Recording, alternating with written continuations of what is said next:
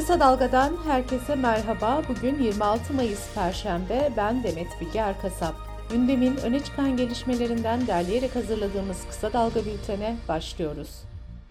Cumhurbaşkanlığı seçiminin ikinci turu pazar günü yapılacak. Cumhurbaşkanı adayları Recep Tayyip Erdoğan ve Kemal Kılıçdaroğlu çarşamba akşamı TRT'de propaganda konuşmalarını yaptı. Cumhur İttifakı'nın adayı olan Erdoğan seçmenlerden bir kez daha kendisini desteklemelerini istedi. Millet İttifakı'nın adayı Kemal Kılıçdaroğlu ise Erdoğan'a TRT'de birlikte bir programa katılma çağrısı yaptı. Propaganda konuşmalarının ikincisi cumartesi günü yapılacak. Kılıçdaroğlu saat 17.39 ila 17.49 arasında, Erdoğan ise 17.50 ile 18 arasında konuşma yapacak. TRT konuşmalarında Türk bayrağı ve konuşmayı yapan kişi dışında hiçbir görüntüye yer verilmiyor konuşmacıların ceket giymesi ve kravat takması da zorunlu. Cumhurbaşkanı ve Cumhur İttifakı adayı Recep Tayyip Erdoğan seçimin ikinci turuna dair sosyal medya hesabından bir mesaj paylaştı. Muhalefetin korku siyaseti yürüttüğünü savunan Erdoğan, diktatörlük iddialarının tamamen safsatadan ibaret olduğunu gösterdik dedi. Millet İttifakı'nın Cumhurbaşkanı adayı Kılıçdaroğlu ise Adana'da yaptığı konuşmada uyuşturucu konusuna değindi. İstanbul, uyuşturucu baronlarının at koşturduğu bir yer oldu diyen Kemal Kılıçdaroğlu şu ifadeleri kullandı. O kadar rahatlar ki kimse bize dokunamaz diyorlar. Uyuşturucu baronlarını hapishaneden çıkarıyorlar. Ülkeyi bu batağa sokanlara oy vermemeniz lazım.'' Zafer Partisi'nin Kemal Kılıçdaroğlu'nu destekleme kararının yankıları sürüyor. Protokoldeki kayyum maddesi Yeşil Sol Parti ve HDP tarafından eleştirilmişti. İki parti durum değerlendirmesi yaptıktan sonra kararını dün açıkladı. HDP eş genel başkanı Pervin Buldan sandığa eksiksiz gideceğiz ve hep birlikte tek adam rejimini değiştireceğiz ifadesini kullandı. Sol Parti'de ikinci turda CHP Genel Başkanı Kemal Kılıçdaroğlu'na oy verme çağrısı yaptı. Genel başkanlığını Ayhan Bilge'nin yaptığı SES Partisi ise Cumhurbaşkanı seçiminin ikinci turunda Kılıçdaroğlu'nu desteklemeyeceklerini duyurdu. SES bu karara gerekçe olarak da Ümit Özdağ gösterdi.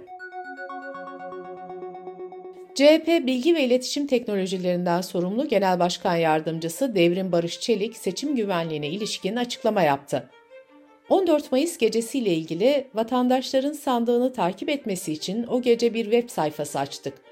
Gelen talep ve siber saldırılar nedeniyle o gece sistem yavaşladı diyen Çelik, sistemin daha sonra güncellendiğini belirtti. Çelik yaptığı basın toplantısında siz sandığa gelin oyunuzu kullanın, gerisini CHP'ye ve Millet İttifakı'na bırakın dedi. AKP Grup Başkan Vekili Muhammed Emin Akbaşoğlu ise partisine rehavet uyarısı yaptı. Akbaşoğlu, en büyük rakibimiz rehavettir. Rehavet hepimizin kaybedeceği bir sonucu doğurur, dedi. Bu arada Gazete Duvar'dan Ceren Bayar'ın haberine göre AKP'den teşkilatlara gönderilen yazıda rehavete kapılmayın uyarısı yapıldı ve seçmenden sandığa gitmesi istendi. İkinci tur seçimine iki gün kala bazı araştırma şirketleri de anketlerini açıkladı.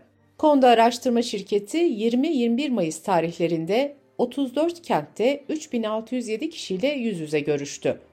Araştırma sonucuna göre kararsızlar dağıtılınca Erdoğan'ın oyu %52.7'ye ulaşırken Kılıçdaroğlu'nun oyu %47.3 oldu. 14 Mayıs seçimlerinde en yakın tahmini yapan Asal Araştırma'nın anketine göre ise Erdoğan %53.4 oy alarak seçimi kazanıyor. 14 Mayıs'ta Türkiye İşçi Partisi'nden Hatay Milletvekili seçilen Gezi davasında tutuklu olan avukat Can Atalay'ın mazbatasını avukatları teslim aldı. Avukatları Atalay'ın tahliyesi için başvuruda bulunacaklarını belirtti.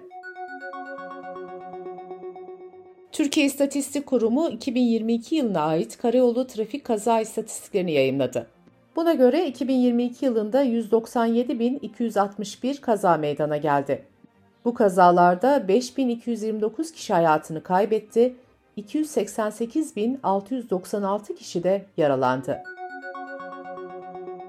Meteoroloji Genel Müdürlüğü'nün verilerine göre yağışlar Nisan ayında geçen yıla göre %51 arttı. En fazla yağış %82 ile Marmara ve Karadeniz'de gerçekleşti. Karadeniz Nisan ayında son 63 yılın yağış rekorunu kırdı. Siyah ve kahverengi ağırlıklı kuraklık haritası da yeşil ve mavi tonlara döndü. Bu arada son hava durumu raporuna göre yurda etkisi altına alan sağanak yağış 81 ilde etkili olacak. Oluşabilecek sel baskınlarına karşı vatandaşların dikkatli olması istendi. Kısa Dalga Bülten'de sırada ekonomi haberleri var. Merkez Bankası piyasa beklentilerine paralel olarak politika faizini %8,5'ta sabit tuttu. Resmi gazetede yayınlanan karara göre depremlerden etkilenen 11 ilde ev ve iş yeri yıkılan, ağır ve orta hasarlı hale gelen ya da acil yıkılacak olan yurttaşların ödenmemiş elektrik ve doğalgaz tüketim bedelleri silinecek. Türkiye'de 36 aydır aralıksız olarak artan gıda fiyatları ve yüksek enflasyon açlık ve yoksulluk sınırını da yükseltiyor. Birleşik Kamu İş Konfederasyonu'nun araştırmasına göre 4 kişilik bir ailenin açlık sınırı Mayıs ayında 178 lira daha artarak 12 bin lira sınırına yaklaştı. Yoksulluk sınırı da 31 bin lirayı aştı. Sektörden gelen talepler üzerine KOBİ tanımında değişikliğe gidildi ve bilanço sınırı 250 milyon liradan 500 milyon liraya çıkarıldı. Yönetmelikle ayrıca mikro ve küçük işletme tanımlarında yer alan parasal sınır da arttırıldı. Ticaret Bakanlığı Ankara'da araçların liste fiyatının üzerinde fiyat isteyen bir otomotiv bayi ile Bursa ve Adana'da müşterilerini aksesuar almaya zorladığı tespit edilen otomotiv bayilerine 17 milyon liradan fazla ceza kesti. Almanya ekonomisi yüksek enflasyonun etkisiyle bu yılın ilk çeyreğinde %0.3 daralarak teknik olarak resesyona girdi. Uluslararası Kredi Derecelendirme Kuruluşu Fitch Ratings, borç limiti açması nedeniyle ABD'nin AAA olan kredi notunu negatif izlemeye aldı. ABD 19 Ocak'ta 31.4 trilyon dolarlık borç limitine ulaşmış ve ABD hazinesi limiti aşmamak için olağanüstü önlemler almaya başlamıştı. Hazine Bakanlığı söz konusu önlemlerin 1 Haziran gibi erken bir tarihte tükenebileceği uyarısında bulunmuştu. Dış politika ve dünyadan gelişmelerle bültenimize devam ediyoruz. Avrupa Birliği Rusya Merkez Bankası'nın 200 milyar euroluk varlığını dondurdu. Bu paranın faizinin Ukrayna'ya verilebileceği belirtildi. NATO Genel Sekreteri Stoltenberg ise Ukrayna'nın NATO'ya üye olmasının gündemde olmadığını söyledi. Stoltenberg, sahadaki durumun yıpratma savaşı niteliğine büründüğünü de belirtti. Avustralya'da polis tarafından şok tabancasıyla müdahale edilen 95 yaşındaki kadın hayatını kaybetti. Müdahaleyi gerçekleştiren polis açığa alındı ve saldırı suçlamasıyla hakkında dava açıldı. Peru'da Cumhurbaşkanı Boluarte, hükümet karşıtı protestolarda yaşanan ölümlerle ilgili ifade vermeye çağrıldı. Ulusal basında çıkan habere göre hükümet karşıtı gösterilerde çok sayıda kişinin hayatını kaybetmesinin ardından soruşturma başlatan savcılık, orantısız güç kullanımında rolü olduğu iddiasıyla Boluarte'nin ifadesinin alınmasına karar verdi. Peru'da protestolar eski Cumhurbaşkanı Castillo'nun 7 Aralık 2022'de kongre tarafından görevden alınmasıyla başlamıştı. Farklı kaynaklara göre haftalarca süren eylemlerde en az 77 kişi hayatını kaybetmişti. Microsoft, Çin destekli bir siber aktörün ABD siber altyapılarını hedef aldığını duyurdu.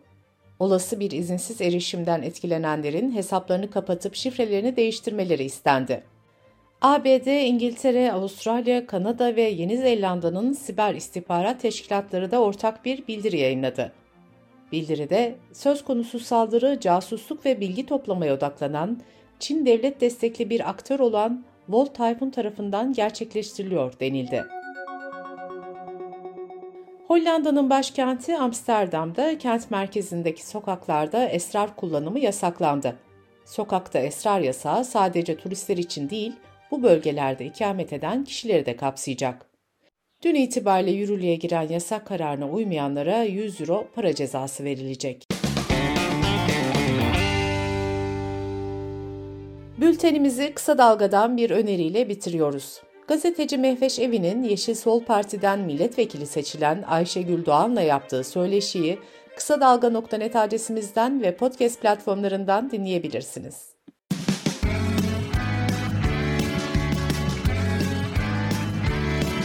Kulağınız bizde olsun. Kısa Dalga Podcast.